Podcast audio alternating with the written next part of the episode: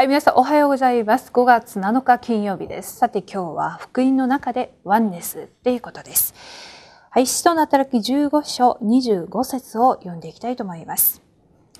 はい、そこで私たちは一人人々を選び、私たちの愛するバルナバおよびパウロと一緒にあなた方のところへ送ることに祝儀一決しました。はい、えー、私たちにとって、えー、福音があるとしたらその福音のあるものの中で一番重要なのがやはりワンネスすることではないかと思います。このワンネスはただ協力し合ったりただ、えー、そういうものとは異なる福音のあるものでなければ、えー、一つになれない、えー、その福音があるために唯一このその福音によって一つになれるそのワンネスであります。ではですね福音の中でじゃあ私たちがどうしてワンネスしなくてはならないのか今日の祈りの手帳を始めていきたいと思います。今私たちの教会にある問題はどうすればよいのでしょうか？私の人間関係はどうすべきでしょうか？仕事の中で近い人との間に生じる葛藤はどうすればよいのでしょうか？また私たちが福音の中でワンネスすることができれば全ての問題が解決できます。福音を持った人にだけ与えられた祝福がワンネスです。サタンに勝てる奥義が救われたもののワンネスです。福音の中で自分と教会がワンネスになるとどのようなことが起きるのでしょうかはい、じゃあ大きな一番です。福音の中でワンネスになる時大きな契約が成し遂げられます。もし人々の関係が難しいなら少しずつ直していかなければなりません。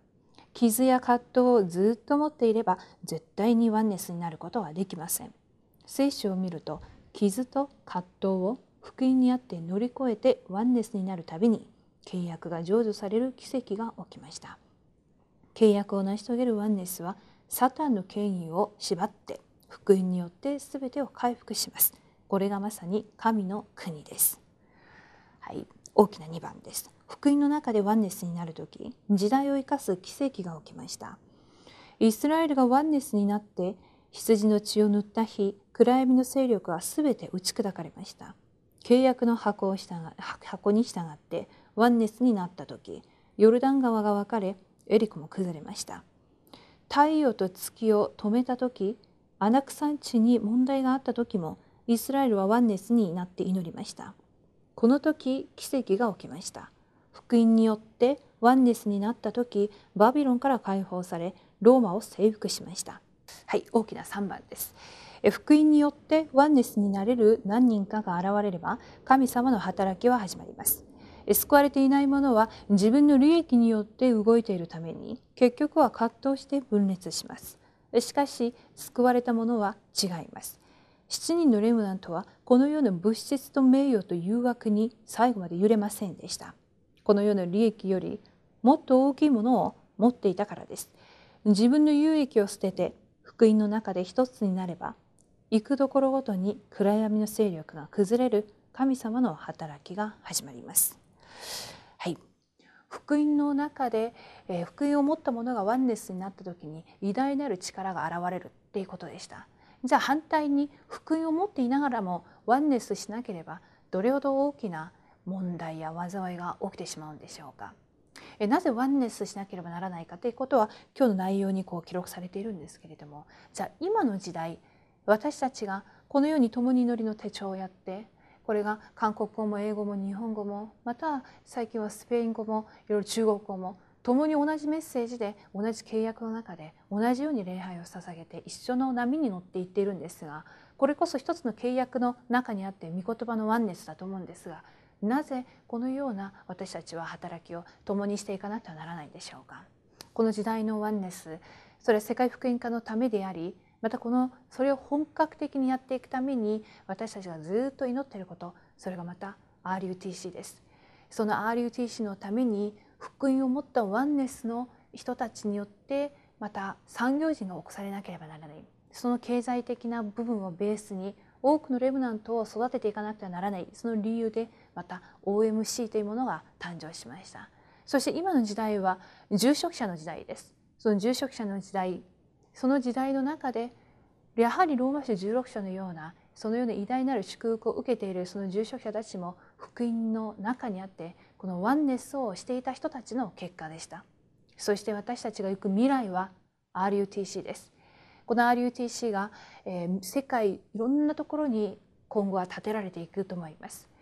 本格的にレムナントを今週ずっと私たちが御言葉を通して歩んできた伝道者として伝道者の人生ただ伝道とただ祈りと御言葉に私たちがその中にあって唯一性の答えを受けるために、えー、私たちは本当にワンネスになって祈らなくてはなりません。それがこの時代の契約でありまたその時代の世界福音化のために今私たちが一つにならなくてならないならない理由だと思います。えー、今日小さな問題から大きな問題までさまざまな祈りの課題あるかと思います。しかし私がワンネスまず人を理解してそして自分自身を顧みた時にワンネスになる理由またどうしてワンネスすることができなかったんだろうっていうことを分かると思います。契約が皆さんの上にまずそして私自身の上にまず、え成就されるように祈っていきたいと思います。今日ですね皆さん本当にこの福音の中でワンネス福音を持った者たちの一番美しい姿であると思います。そしてサタンを完全に打ち砕くそして神の国が皆さんのところに全て望まれるように祈っていきたいと思います。今日一日も皆さん勝利してください。はい。では、フォーラムの主題です。私が回復すべき福音の中でのワンネスにはどんなことがあるのか探してみましょう。福音と御言葉を適用する目想は新しい恵みと癒しの祝福へとつながります。はい、そうだと思います。今日皆さん、皆さんのいるところでこのようなワンネスの祝福が望まれますように、ではお祈りをして終わりにしたいと思います。神様ありがとうございます。今日福音の中でワンネス。神様が私たちとこの救いの道を開いてくださり、ワンネスしてくださいました。私たちがこのワンネスの救いの奥義を、そしてどんどん伝えていくために、まず私たちがワンネスできる人になるように、どうか主を恵みを与えてください。福音にあって、本当に誠の契約を知る者にさせてください。本当に救いの奥義を味わいながら、今日も主が私たちと共におられることを悟る、そのようなワンネス者になるように願います。そして神の道を伝え、暗闇の勢力と打ち勝って勝利できる、そのような神の国を望ませる、その働きの主役になれるワンネスに、ワンネス者になれるように、主をどうか私たちを導いてください。どうか神様、その理由は十分にあります。今、世界どころどころで RUTC を叫んでいますが、実は個人の問題が解決されずに、霊的問題の中にいて、非常に実は RUTC を叫ぶこと自体が難しい現状です。しかし、神はいつの時代も小さなものを用いて、また無能なものを用いて、神の力を、そしてこの福音は恥じるものではないということを証明してくださいました。私たちが昨日までのこと、ことまたたった5分10分前のことも私たちは忘れて今から新しく始めるように主を恵みを与えてください。私たちは主にあって不可能なことがありません。なので今日もこの御言葉にあって勝利してどうか主のワンネスを成し遂げていくことができるように祝福してください。現場をワンネスしそして未信者が神へとワンネスできるように私たちが光を放ちそして自分の職業も学業も全ての関係が神にあってワンネスできる全てが回復される一日でありますように神様全てを